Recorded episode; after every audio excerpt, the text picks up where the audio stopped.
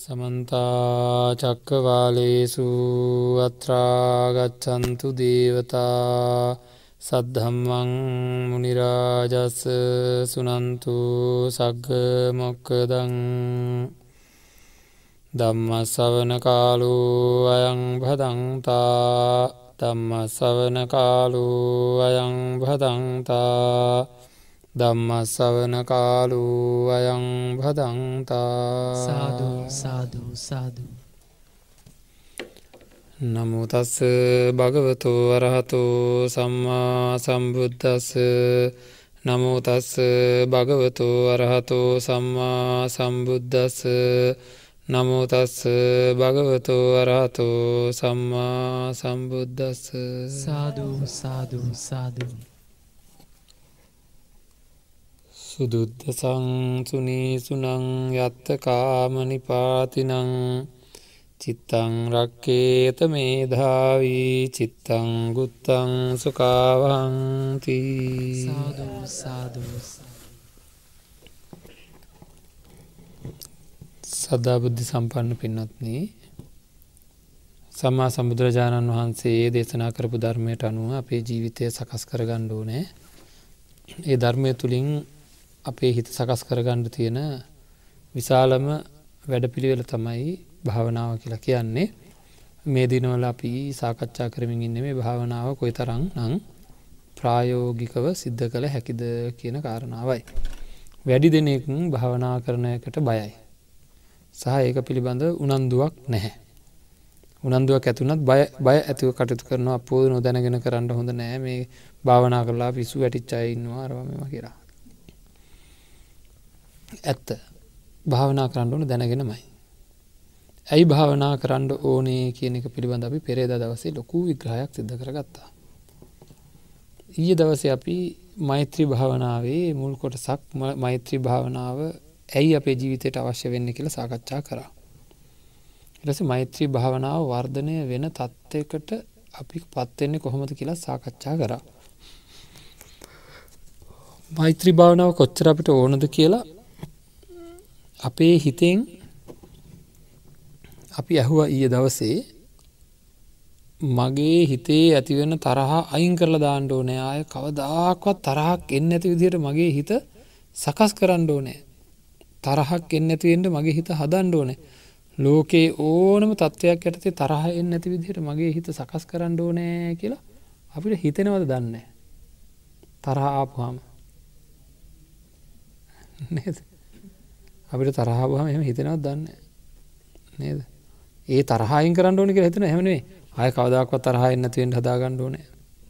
මේ තරහා තියෙන එක මහා භයානක දෙයක් කියලා පිය දවස සාකච්ඡා කරා. තරහේ තියෙන භයානක තත්ත්වය දේශයේ තියෙන ආදීනව නේද? ඔය තරහ කියනක හැදෙන ගතිය ඔය හිත්වල තිබුණොත් එක ෂණයක සංසාර ජීවිතයේ කොතනකදි හරි මේ අම්ම තාත්ත පවා මරල දාන්ඩිර තියෙනවා. නේද? එච්චර හට අන්ඩ පුළන් අප හිත හිතුවට නෑ කියලා. අනිත් එක තමයි තරහ කියන එක තියෙන අය පොඩ්ඩ ඇත්තන් තරහ යන අය තනියම විදෝනවා තරහා ඇති වුණහම සැපයිද දුකයිද? ලොකු දුකක් ඒක. පීඩනයක් ඒක. නේද? එතකොටේ තරහා ඇතිවෙන එක ලොකූ දුකක්. ඉතින් ඒ තරහා තිබ්බොත්හෙ මේ විතරක් නෙවෙයි. සසර ජීවිතයේ මහා ව්‍යසනකාරී තැන්වලට තිරිසංගත අපාවලට නේද? තිරිසංගතවෙන්ට අපා දුක්විදිට හේතුවෙන්ට තිනිටකට ගොඩා වැඩි.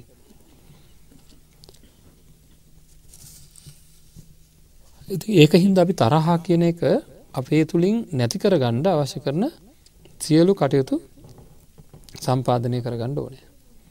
ඒක කෙරෙන්ඩ ඕන කොහෙන්ද? ඒක කෙරෙන්ඩ ඕන අපේ සිතෙන්මයි. තරහ එන්ඩ තරහ එන එක නවතින්ඩුවන් තරහ එන එක නවතින්ඩෝනය කියලා. තරහ එන එක නවත් අයින් වෙලා මෛත්‍රය වැඩෙන්ඩෝනෑ කියලා ප්‍රබල සිතුවිල්ල අපේ හිත්තවල ඇතිවෙන්න අපි ගිය දවස ඒක ප්‍රබල කරගන්න කොහොමද කියලා සාකච්ඡා කර. එකට කරන්නමකක්ද තරහා ඇතිවේන එකේ තියෙන ආදීනවයි මෛත්‍යය වර්ධනය වෙන එකේ ආනිසංසයි හොඳට හොඳට මෙනෙහි කරන්න ඕන. ඒ මෙනෙහි කරනකොට නැවත නැවත මෙනෙහි කරනකොට අපේ හිතේ අදහසක් වෙනවා මම මම තරහ නැති කෙනෙක් වෙන්ඩ නෑ තරහ පොඩ්ඩක්ව නැති කෙනෙක් වෙන්ඩ ඕන කර ඉබේ අදහසක් වෙනවද නැද වෛර නැති කෙනෙක් වෙන්න ඕන කියලා අදහසක් එනවද නැද්ද? අන්න එහෙම එනවි එන්න නම් තරහේ තියෙන ආදීනවත් වෛරයේ තියෙන ආනිසංසත් හොඳට මෙනෙහි කරන්න ඕනේ. ඒවා විමත කොහෙ කොහෙ තිබේවද මෙනෙහි කරන්න මට වෙච්ච දේවල්. මට තරහින්ද මේ වෙනකොට වෙලා තියෙන දේවල් වගේ තියෙනවා. මොනවද වෙලා තියෙන්නේ? නොකිය යුතු දේවල් කියලා. නොකළ යුතු දේවල් කරලා සමහර වෙලාවට. ඊළඟට අපේ නිවසේ අයට වෙච්ච දේවල් ආදීන මෙනෙහි කරද්දි රටේ අයට වෙච්ච දේවල් තරහා හින්දා බලන්න පොඩ්ඩක් හිතලා එකක් දෙකක් මෙනෙහි කරන්න ඕන එහෙම. තරහින්ද එක එක්කෙනාට වෙච්ච දේවල් මතකද? නේද? සමහර අයට මොන්න තරම් ව්‍යසන ව්‍යසනකාරී දේවල් සිද්ධ වුණාද? හ්ම් සමහර අය ඉන්නවා සමහර අයට නේද ආයුධ වලින් පහර දෙනවා. දැඩි පහර දීම් දෙනවා. ඊට පස්සේ සමහර අය ඉන්නවා නේද අතපය කපලා දානවා අනිත් අයගේ. බෙල්ල කපලා දානවා සමහර අයගේ. ඉතින් වෙඩි තියෙනවා. ඊළඟට හරියට වද දෙනවා. මේ සමහර අය තමන්ගේ දෙමව්පියන්ව පවා කොහරි තැනක හංගගෙන තියාගෙන යාකට හරියට දුක් දීලා නේද කරදර කරදරකාරී විදිහට සලකනවා. මට මෙහෙම කරා මට මෙහෙම කරා කිය කිය. අන්තිමට ඒ වෛරී කන්තියාගෙන ගිහලා අපායවල වල උපදිනවා. ඉතින් මා මටත් එවැනි තත්ත්වයකට පත්වෙන්න තියෙන ඉඩකඩ තියෙනවා. මාවත් එවැනි තත්ත්වයකට පත්වෙන්න තියෙන ඉඩකඩක් තියෙනවා. මොනව වුණොත්ද මේ තරහ කියන එක තිබ්බොත් තරහ හැදෙන ස්වභාවය තිබ්බොත් ඒක පිළිකා සෛලයක් වගේ වැවෙනවා. ඒක වැඩි වෙනවා. නේද? මම තරහ යන්නේ නැති ස්වභාවයකට පත්වෙන්න ඕනෑ කියලා අපිට හොඳ හැඟීමක් ඇති වෙනකන් ওই විදිහට මෙනෙහි කරන්න ඕනෑ කියලා මම කිව්වා. එතකොට දැන් එහෙම මෙනෙහි කරපුවාම මට නිකම්ම සිතුවිල්ලක් එනවා. මම වෛර නැත්තේක් වෙන්න ඕනේ නේද? මම තරහ නැත්තේක් වෙන්න ඕනේ. ඊළඟට මම සුවපත් වූ සිත් ඇත්තෙක් වෙන්න ඕනේ කියලා. අන්න බලන්න ඕකටම අපි තව එකතු කරන මම දුක් පීඩා නැත්තෙක් දුක් පීඩා කියන්නේ කායික දුක් පීඩා. හරි. දැන් මට ආදීනව ආනිසංස හොඳට මෙනෙහි කරනකොට අපි ඒ කතා කරා වගේ ආදීනව ආනිසංස මෙනෙහි කරනකොට මොකද වෙන්නේ? මගේ හිතේ පැහැදිලිව වෙනවා මම වෛර නැත්තෙක් වෙම්වා. වෛර නැත්තෙක් වෙම්වා. වෛර නැත්තෙක් වෙම්වා. මම තරහ නැත්තෙක් වෙම්වා. තරහ නැත්තෙක් වෙම්වා. දුක් පීඩා නැත්තෙක් වෙම්වා. සුවපත් වූ සිත් ඇත්තෙක් වෙම්වා කියලා. හරිද? දැන් ඒ තත්ත්වය එහෙම තත්ත්වකට මාව පත් වුණොත් ඒ හැඟීමතරමට ඒක ඒක සක්විති රජකම ලැබෙනවට වැඩිය වටින් දෙයක්. කෙනෙකුට සක්විති රජකම ලැබුණට තරහැන් අයින්ෙන් නැත්තා නොයකුත් ව්‍යසනොලින් අයින්ෙන් නැත්තන් ඒ සක්විති රජකමින් ඇති වැඩ නෑ හිතෙන් දුක් විඳින හැමලේම ඊට වැඩිය මෛත්‍රී සහගත සිතුවිල්ලක්ති ඇතිකරගෙන ඉන්න කෙන හිතෙන් පුළුවන් තර නේද? ඇයට එත මානසිකව වූ සැපයක් විඳමින් ඉන්න කෙනෙක්. අපි ලෞකික දේවල් කරන්නෙත් මානසික සැපයක් විඳින්ටන එතකොට සක්විති රජකමට වැඩිය දෙයක් මට ලැබේ අරවදිහ වෙන්න තියෙනවන ඒක ඉහළම අවස්ථාව මොකක්ද? මොකදම කියන්නේ? වෛර නැත්තෙක් වෙම්වා තරහ නැත්තෙක් වෙම්වා දුක්පීඩා නැත්තෙක් වෙම්වා සුවපත් වූ සිත් ඇත්තෙක් වෙම්වා කියනකොට හිත සුවපත්වීමේ ඉහළම තත්ත්වය මොකක්ද නිර්වාණයයි. එහෙනම් මේ ප්‍රාර්ථනා කරන්න මොකක්ද ඉහල නිර්වාණයම ඒ ප්‍රාර්ථනා කරන්න. එක ලෞකික දෙයන්න වෙයි නේද? එතකොට ඊළඟට මම ඊයත් මදක් කරා මේ මම වෛර නැත්තෙක් වෙම්වා තරහ නැත්තෙක් වෙම්වා කියලා ප්‍රාර්ථනා කරන්න එපා කියෙනවා. මේ මමත්වය වැඩෙනවා කියලා. දැන් හරියට තින මෛත්‍රී භාවනා කර කටේ මේ මම කියන වචන කියන්නවා. මේ බඩගිනුන් හම බත් කනවාද? මං ඊයත් ඇහුවා. කවුද බත් කන්නේ? එනද කණ්ඩ බෑ. හරි. කණ්ඩ බෑමක මමත්ව වැඩියෙන කාපු ගමන්. බෙහෙජ්ජෙන්ට අන්ටත් එපා. මොකද මේ ඔක්කො මමත්වය වැඩි වෙන හැමන. සම්මතයේ තියෙන දේ අපිට මම මගේ කියලා දැනෙනවා. ඒ දැනෙන කොටස තමයි විදර්ශනා කරලා අයින් කරන්න ඕන දවසක. ඉති ඒ දැනෙන කොටස ගන්න නැතුව වෙන මොකක්ද විදර්ශනා කරන්න නේද. ඉති අජ්ජත්තංවා කියලා බුදුරජාණන් වහන්සේ දේශනා කරලා තියෙනවා. ඒ දේශනා කරලා තියෙන දේ නේද? ඉති අජ්ජත්තංවා කියලා දේශනා කරලා තියෙන දේ අපි අරගෙන බැලුවොත් එතන තියෙන මොකද්ද? තමන් තමන්ට අයිති. තමන්ගේ කොටගත් ඒ ටික අරන් තමයි අජ්ජත්තික වශයෙන් කෙස්ලොම් නියද සම්මස්නහර ඇට ඇට මිදුළු ඔය විදිහට මෙනෙහි කරන්නේ. එතකොට ඒක මෙනෙහි කරලා ඉවර වෙනකොට තමයි මේක මගේ කියලා ගණ්ඩ බෑ කියලා තේරෙන්නේ. ඒ වගේ මම කියන වචනය කිව්වා කියලා ප්‍රශ්නයක් ඇති වෙන්නේ නෑ. ඒක විතරක් කියලා අන්න ඒක විතරක් කියලා නිකං ඉන්නවන්න ප්‍රශ්නයක් තියෙන ඇයි අන්න එහෙම නද? භාවනාව කියන එක ඒක දිගට යන ටිකක්. අර මම වෛර නැත්තෙක්වෙවා මං ඒ ඒ ටික විතරක් කියලා නැවැත්තුවොත් අන්න එතනම් පොඩි ප්‍රශ්න ඇතින මොකද මත්වය මං විතරක් මෙහ වෙන්ඩුර මං විතරක් මෙහ වෙන්ඩුර මං විතරක් මෙහ වෙන්ඩුවන කිය ඒ ඊළඟ වාක්‍ය නැතුවයි මේ කට්ටිය මේකට මේ පහරගහන්නේ මේ බලන්ට ඒක එක වැරදීමක් ඇත්තරම කවුරත් පහරගහනවා වෙයි එක වැරදීමක්. එයාලට වැරදිලා කවුරර මේකට පහරගහනවා ඒකෙන් අනිත්තායට වෙන්න මොකක්ද විචාරණය කරන්න නැතිය කාට හරි වැරදිච්ච කෙන අපිට පස දිගට යනවා. හවලා මෙහම කියලා තින මෙහම කර තින මේ ම කියලා ගණඩ හොඳ නෑ කියලා. හොඳට බලන්ඩ මේ බලන්ට ඉතිරින් හාට වෙන දේ බලමු අපි. මම වෛර නැත්තෙක් වෙම්වා කියලා මේ අපි කිව්වට අර කලින් ආදීනව ආනිසංස හොඳට මෙනෙහි කරලා තියෙනවන අපි මතක් කරාවාගේ නිකම්ම තියෙන්නේ ප්‍රාර්ථනාව ඇතුළේ එක ප්‍රාර්ථනාවන්නේ ඇතන අධිෂ්ඨානයක් වගේ නේද? වෛරය නම් මට එපා තරහනම් මට එපා අන්න වගෙනද තරහ තරහ නැති කෙනෙක්ම වෙන්ඩෝනෑ වෛර නැති කෙනෙක් වෙති ම වෛර නැත්තෙක් වෙම්වා තරහ නැත්තෙක් වෙම්වා දුක්පීඩා නැත්තෙක් වෙම්වා සුවපත්තු සිත් ඇත්තෙක් වෙම්වා කියනකොට මට හිතෙනවා අනේ එවැනි තත්වකට පත් වනොත් මං කොච්චර හොඳද කොච්චර අපූර්ද කියලා ඔන්න මට හිතෙනවා. හරි එම නේද? එතකොට එක හැඟීමක් ඇත්තටම. තැන් අපි යනවා අපේ ජීවිතයේ ඉන්න දරුවෙක් ඉන්නව නං ලගීන් ඉන්න යාළුවෙක් ඉන්නව නං අන්න මට මොනහරි හම්බුනා මට තියෙන අදහසමකක්ද යාළුවටත් තිබ්බනම් හොඳයි ඒ විදිහ මට විතරක් මදී කියරන දෙෙන අන් දැන්තව මෛත්‍රී කරන්න පටන් ගන්න අපි. මොකද මට විතරක් හරියන්න මා මෙන්ම මා මං විතරක් නෙවෙයි. මං විතරක් නෙවෙයි. මගේ නිවසේ ඉන්න සියලු දෙනාත් වෛර නැත්තෝ වෙත්වා තරහ නැත්තෝ වෙත්වා දුක්පීඩා නැත්තෝ වෙත්වා සුපත් වූ සිත් ඇත්තෝ වෙත්වා. හරි. ඇති ඔන්න විදිට මෙනි කරනවා. ඒම කරා කියලා වෙයිත දන්නේ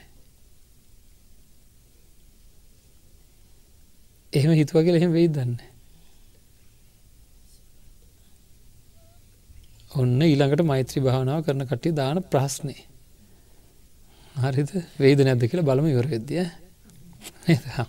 ඒක මතක තියාගන්ට ඒක දැම්මමනේ පස්සේ හා.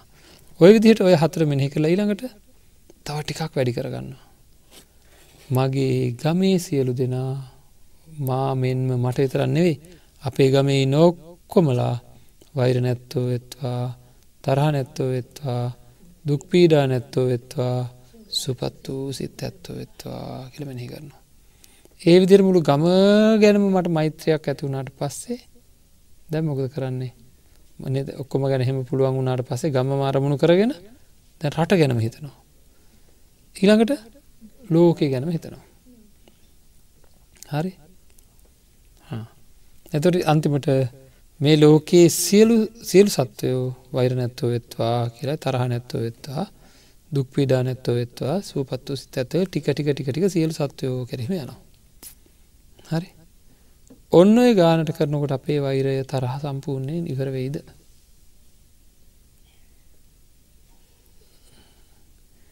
නේද? ගොඩාක් මෛත්‍රී භාවනා කරන ඉන්න ඉතින් තරහයන නිමාරට නේද? ඔොඩ ඇත ගැන මෛත්‍රී භාවනා තමා කරේ කියලා. හෙම කරාද කියලාවක්වත් නෑ ඇති එන ප්‍රායෝගික නෑ වගේ වෙලාකට අපිට. අපිට අපිට මං ඒකයි මේ වගේ මාතෘකාවත් තෝර ගත්ත මේ දවස්ටිකේ භාවනා ප්‍රායෝගික නෑවගෙන ඉති අනිතයටත් එපාවන පොඩ්ඩ ඇත්තන් අම්ම ඔන්න පෝදසකින් කියෙන මොන දම්ම කරේ? දරුවන අපි මෛත්‍රී භාවනාව කරා.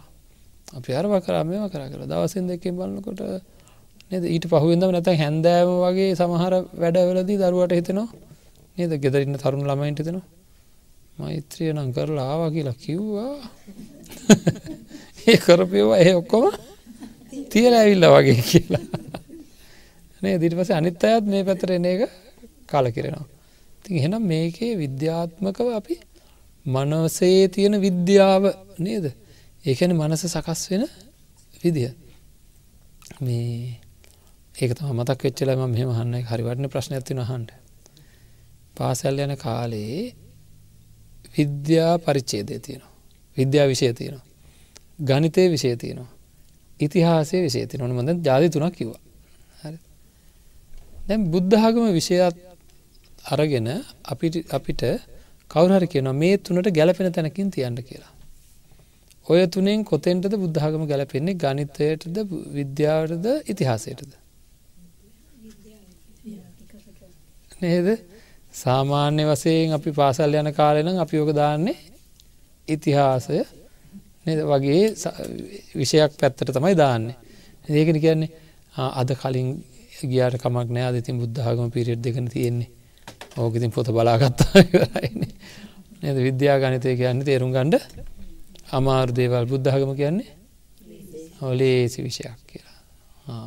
එනම් වැටෙන්නේ අර කරුණු එකතු කරන ඉතිහාසය ගනයට මොකද දන්න විද්‍යාවටික අමාරු වෙන්නේ. ඒක කරුණු දැනගෙන නිරීක්ෂණය කරලා පරීක්ෂණ කරලා නිරීක්ෂණ කරලා නිගමනොල්ට එන එක ගනිතයකු හම එක එක තර්ක කරලා තර්ක කරලා තර්ක කරලා ඔප්පු කරලා පේන්නන එක ඉතිහාසයකිව හම කියෝන එක බුද්ධාගමකිව හම කියෝන එකක්. අන්නේ සංකල්පය තමයි කඩන්න ඕනෑ. විද්‍යාව ගනිතය කියන්නේ භෞතික පැත්තේ දේවල් ගැන නද? කතා කරන ඒ ඒ භෞතික දේවල් ගැන පරීක්ෂණ නිරීක්ෂණ නිගමන. ගනිතයේද තින භෞතික දේවල් ගැන තර්ක ඔප්පු කිරීම. බුද්ධහගම කියන්නේ ඉතිහාසය වගේම කරුණුත් තියෙන විද්‍යාව වගේම පරීක්ෂණ නිරීක්ෂණ නිගමන මොනවා ගැනද සිත ගැන ගනිතය වගේම තර්කානු කූලව ඔප්පු කළ හැකි දේවල් තියෙන අර දේවල්වලතර භෞතික දේවල්ලට වැඩිය බොහොම අමාරු ශේස්ත්‍රයක් ආවරණය කරන ධර්මයක් තමයි බුද්ධ ධර්මය කියන්නේ. අපිව හොයන අපි ගැන ඒක නියමයන් සාකච්ඡා කරන. හරි ඒකන්ද ඒ සංකල්පය අපි අනිවාරයම හදාගන්නම සැරෙන් සැරව මතක් කරන මේ සංකල්පය දැන් හදන්න ඕන. ඇත්තරම ළමයින්ට දෙන්නන සංකල්පයනද ළමයි අපිට අපිට පොඩි කාලය තිබෙත් නෑ සංකල්ප. හද ළමයින්ට දෙන්නවන සංකල්පය බුද්ධාගම බුද්ධ ධර්මය කියන පරිච්චේදය තමන්ගේ ජීවිතය සාර්ථක කරගන්න අවශ්‍යකන උපදෙස්තියන පරිච්චේද වෙන්ඩෝන මේක මේ කරුණු එකතු කළ පොත්වල ලියන්ට තියෙන එකක් විදිට විශේමාලාව හැදෙන්නේ. එහමනේ ප්‍රයෝගික ක්‍රියාකාරකන්තියන කොහොමද අධිෂ්ඨානයකින් වැඩ කරන්න? කොහොමද සිහියෙන් වැඩ කරන්න? කොහොමද වීරයෙන් වැඩ කරන්නේ? කොහොම දිවසීම හදාගන්න නේද? ළමයකුට ප්‍රයෝග පුහුණුවත් දෙනු නිවසීම හදන්න කොහොමද? ඒ වගේ ඒ මනසිකාරය සකස් කර ගණ්ඩ ඕන. ඒ වගේ දෙයක් බුදුරජාන් වන්සගේ ධර්මය කියලා කියන්නේ අපේ මේ හිතේ තියෙන සත්‍ය තත්ත්වය තේරුම් කරන ති ඒවගේ තමයි ද මෛත්‍රිය කන කතා කරනකොටත් අපි තමන්ගේ පැත්තෙන් ඉතාම සත්‍යවාදීව දැනගෙන ඉදිරියට සාකච්ඡා කළ යුතු තියෙනවා. ඉදිරිට සාකච්ඡා කරනු දැනගෙන මොකද වෙන්න කියලා භාවනාවකද මොකද වෙන්න කියලා දැන ගණ්ඩුවන කුසල සිතක් වර්ධනය වෙනකොට.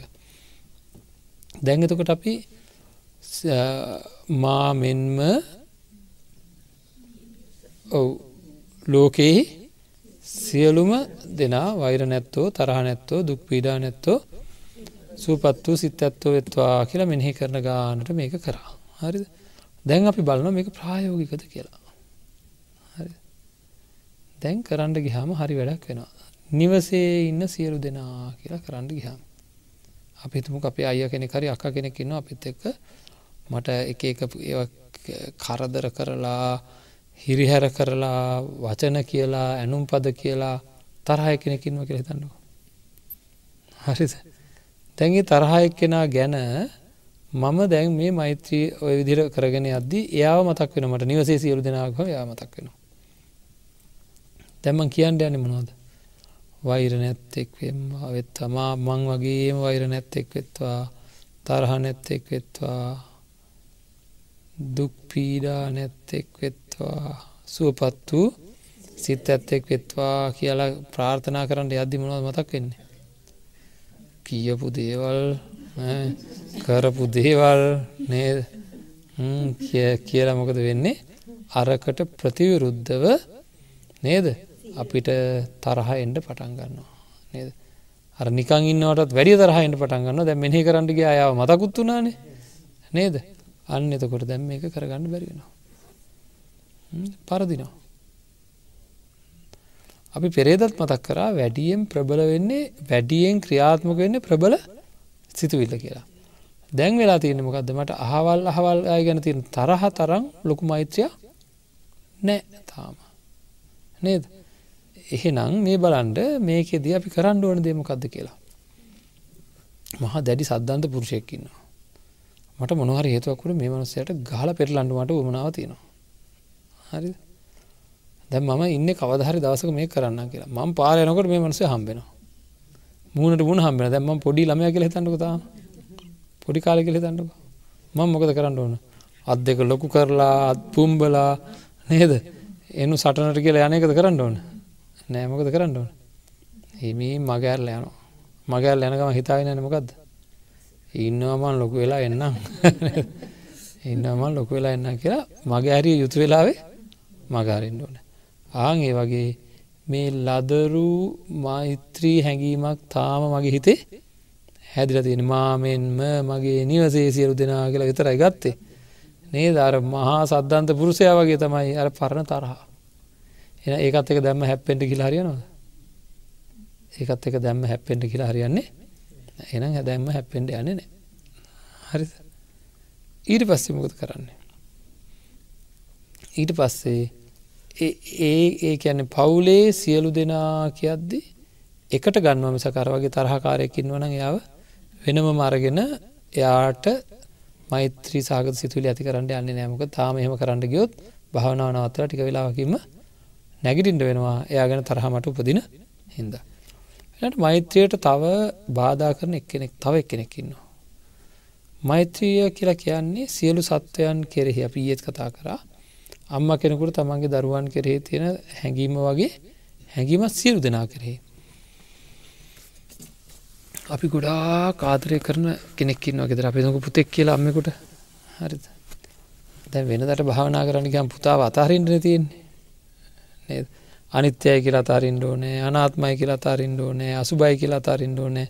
දැන් ඔන්න හොඳ පල්ලමක් ඇවිල තියෙන ඇයි?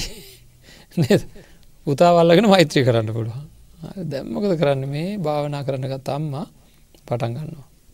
නිවසේ යට කියලා කිව්වන මාමෙන්ම මගේ නිවසේ අය වෛර නැත්තෝ එත්වා තරහ නැත්වනකට දැම් පුතා මතක්වන පුතට හරියට තරහ යන පොඩ්ඩත්ත රණ්ඩු දාගන්න එක්කෙන කියවන අම්ම හරි ආදරේ. දැන් එයා කොහොම මෙනි කරයිද? දැන් කියනවනේ දැන් කියන පටගන්නවා නිවසේ ඇත්තු වගේ මොන දැන් පුතා කියලා වෙන දෙද අනේ මගේ පුතා වෛර නැත්තෙක් වෙත්වා. මාමෙන්ම වෛර නැත්තෙක් වෙත්වා. අනේ වෛර නැත්තෙක් වෙත්වා. අනේ මගේ කොල්ලා වෛර නැත්තෙක්ම වෙත්වා. නැත්තෙක්ම වෙත්වා. නේද? මොකද වෙන්නේ?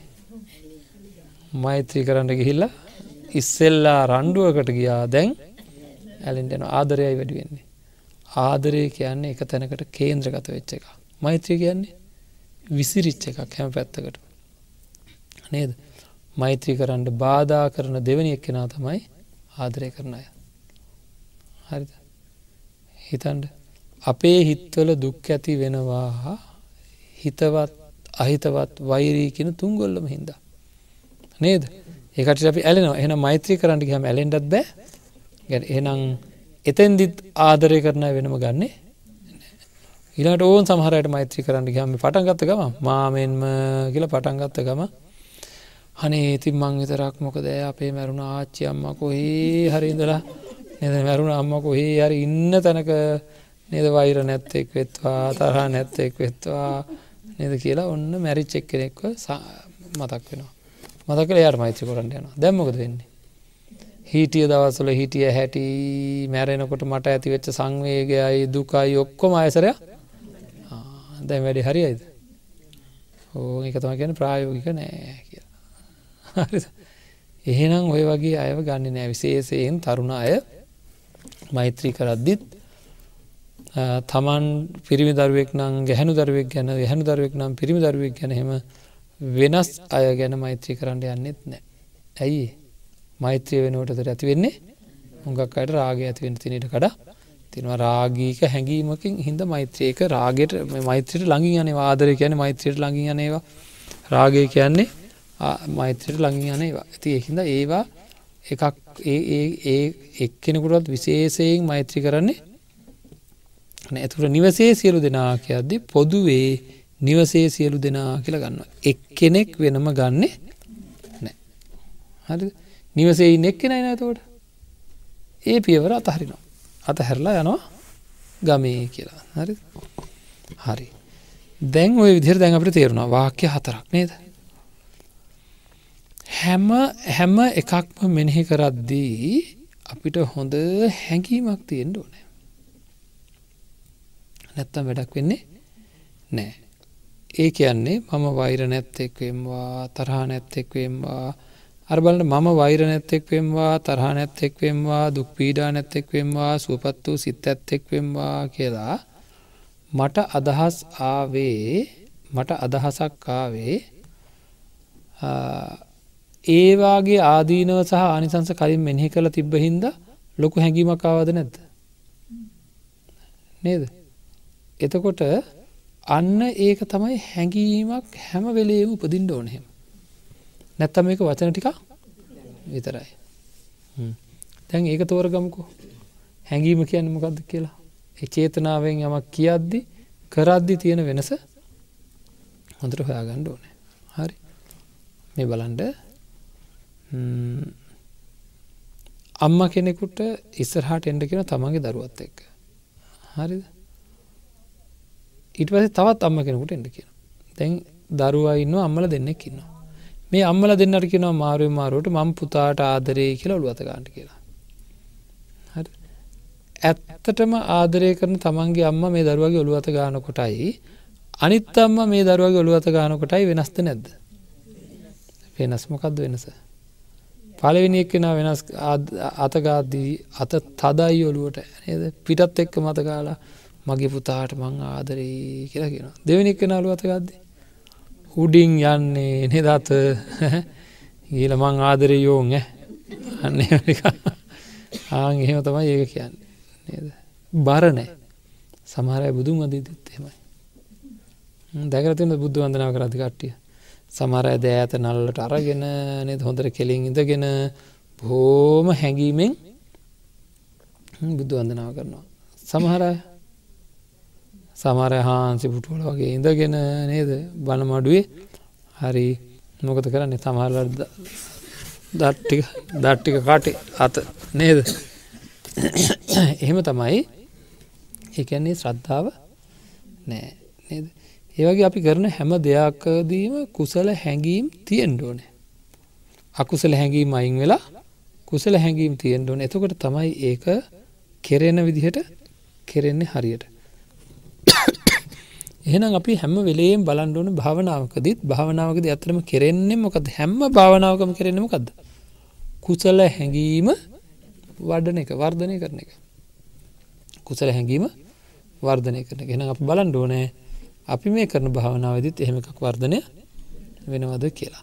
දැම් බලන්ඩ මම වෛර නැත්තෙක් වෙම්වා තරහ නැත්තෙක් වෙම්වා දුක්පීඩා නැත්තෙක් වෙම්වා සුපත් වූ සිත් ඇත්තෙක් වෙම්වා කියලා මා මෙන්ම කියල නැවත ගත්තා. නේද? මාමෙන්ම කියලා නැවත ගන්නකොට මගේ නිවසේ මාමෙන්ම මගේ නිවසේ සියලු දෙනා වෛර නැත්තෝ එත්වා කියනකොට අපිට ඇත්තරම හැඟීමත්තියෙන්ඩු නනේ වෛර නැත්තෝ එත්වා නේ කට්ටියට වෛරනං එන්ඩපා මගේ ගෙදරයට කියලා. හරි.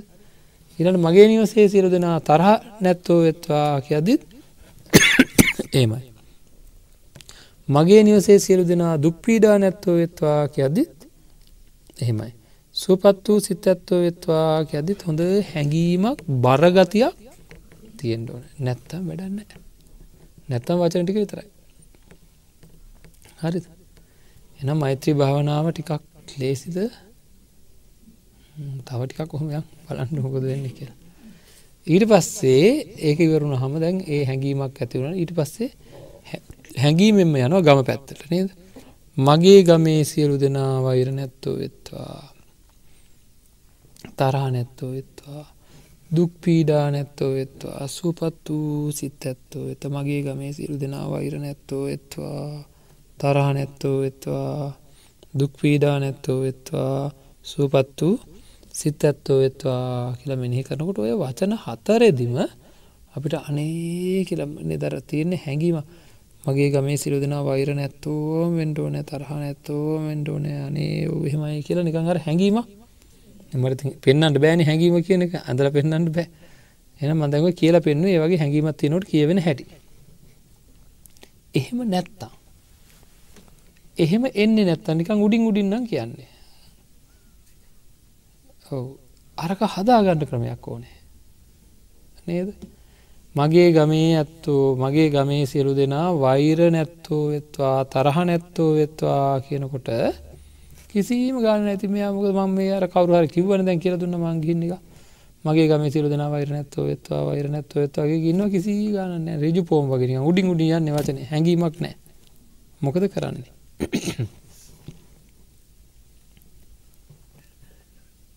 අන්න කළේතුතේ තමයි මගේ ගමේ අය වෛර නැත්තෝ වෙත්වා කියල මට ප්‍රාර්ථනා කරන්න පුළුවන් වෙන්නේ වෛර ඇති අය වෛර තියෙනකොට ඇති වෙලා තියෙන ආදීනව හොඳට දන්නවනම් හරි ගමේ ඉතින් ඒ වෙලාවට ගමේ අය ගම ගමේ කෙනෙක් වෛරය හින්දා ඇති වුණා වූ යම් කිසි ආකාරයක මහා පීඩිත දෙවල් වගේ අත්තිනවා අපි දැකල තියෙනවා. නේද? දුක්පීඩා දැන් අපි මෙහෙමතුමු ගමේ මගේ ගමේ සියලු දෙනා දුක්පීඩා නැත්තෝ වෙත්වා ගැද කායික පීඩා. ඉතින් අපිට එක පාට මතක් වෙන අහවල් කෙනා අහවල් කාලෙදී. වින්ද මහා දුක්ගොඩ කායික පීඩ අපිට අන්සභාග හැදිච ලෙඩෙක් කියලා. එක තැන් වෙලා හිටිය කියලා හිතන්ඩ මල පාටිකවත් අයින් කරන්න කවුරුත් නෑ කියලා හිතන්ඩ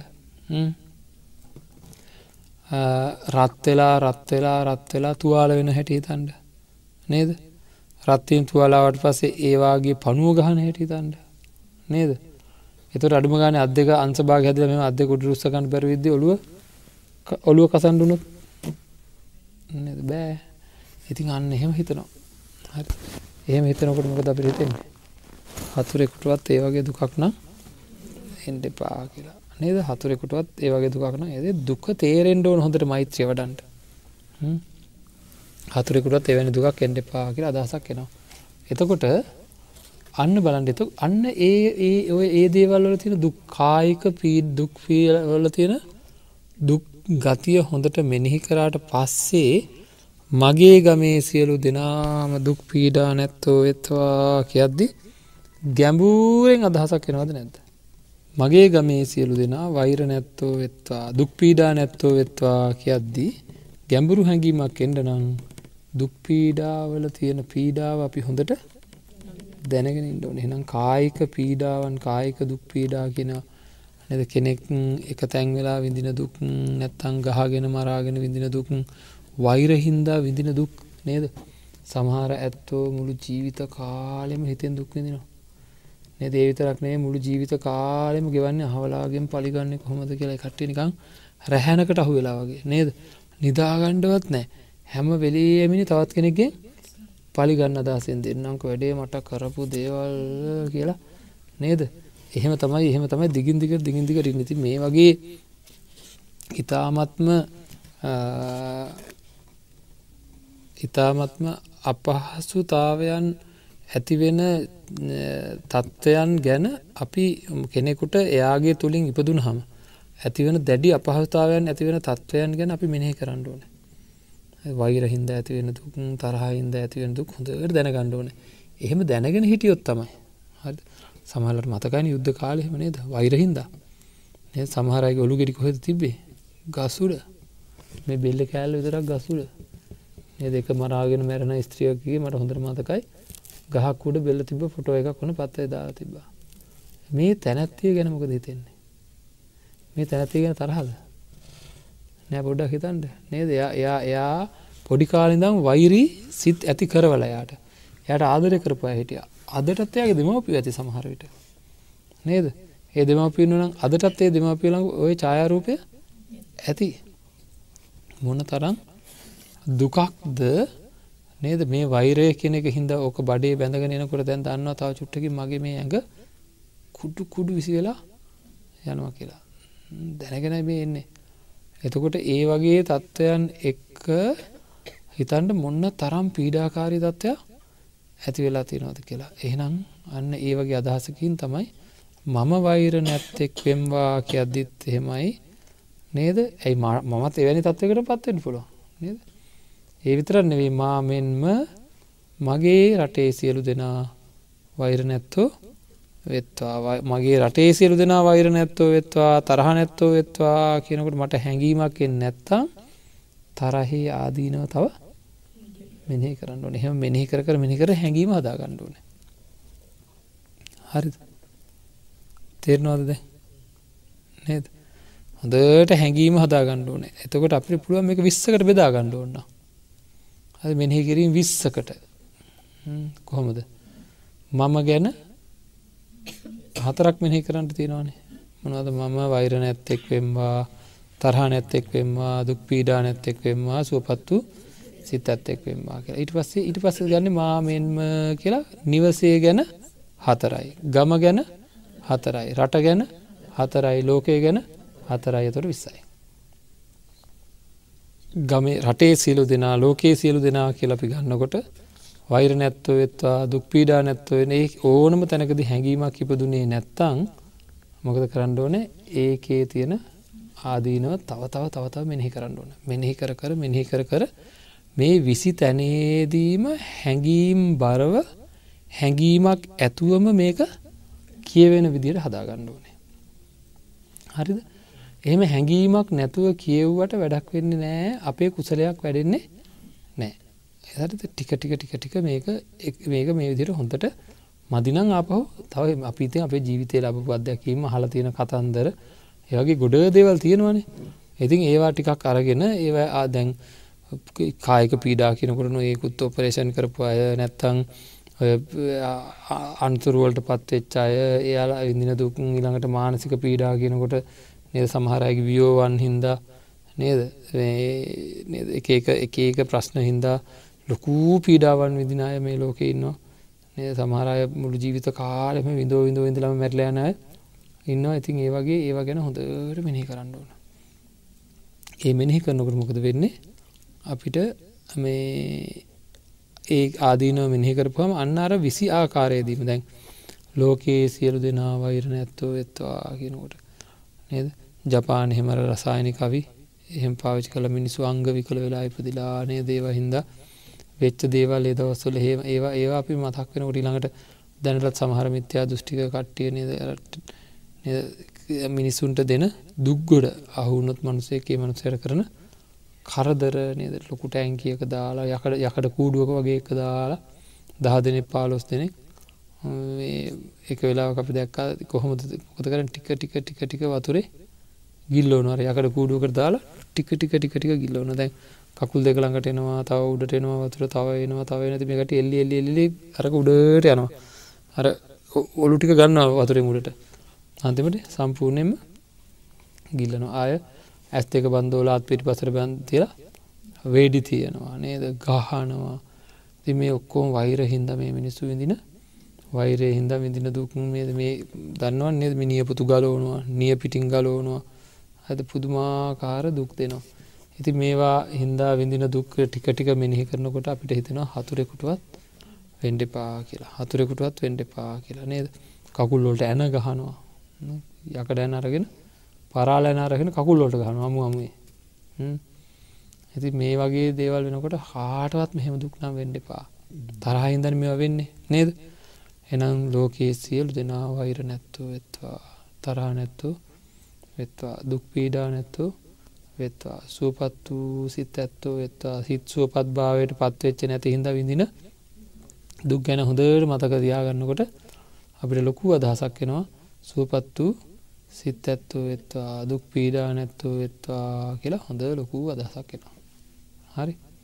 අන්න ඒ තත්වට අපි හොඳටම අපේ හිත පත් කරගන්න ඕන. හොඳටම අපේ හිත පත් කරගන්නඩන අන්නේ තත්වට හරිත එතකොට ඒ හැඟීම් විස් ඒ ඒ අවස්ථා විස්සදීම අපිට ලොකු හැඟීමක් එන්ඩ ඕන. හොඳයි. දැම් බලනවා අපි මෙතනින් එහාට මොකක්ද සිද්ධ විය යුත්ත කියලා. හරි. හොඳයි. දැන් අම්මෙකුට තමන්ගේ දරුවෙක් දිහා දකිද්දී. හරි. අනේ මගේ පුතා වෛර නැත්තෙක් වෙත්වා තරහ නැත්තෙක් වෙත්වා දුක් පීඩා නැත්තෙක් වෙත්වා සූපත් වූ සිත් ඇත්තෙක් වෙත්වා කියලා වෙන වෙන මොය වචන හතර කියන්න ඕනද? නැත්තං ඒ දරුවා දකිනකොට ඇතිවෙන යාලුකමේ මිත්‍රත්වයත් එක්ක ඔයටි කොක්කොම තියෙනවද නැද්ද? අපිට අම්මෙකුට දරුවෙක් විතරක් නෙවෙයි අපිට සම්පූර්ණයෙන්ම අපි ළඟීන් ඉන්න යාළුවෙක් ගැන යාලුකමක් ඇතිවෙද්දි හිතේ. ඒත් තියෙනවද නැද්ද?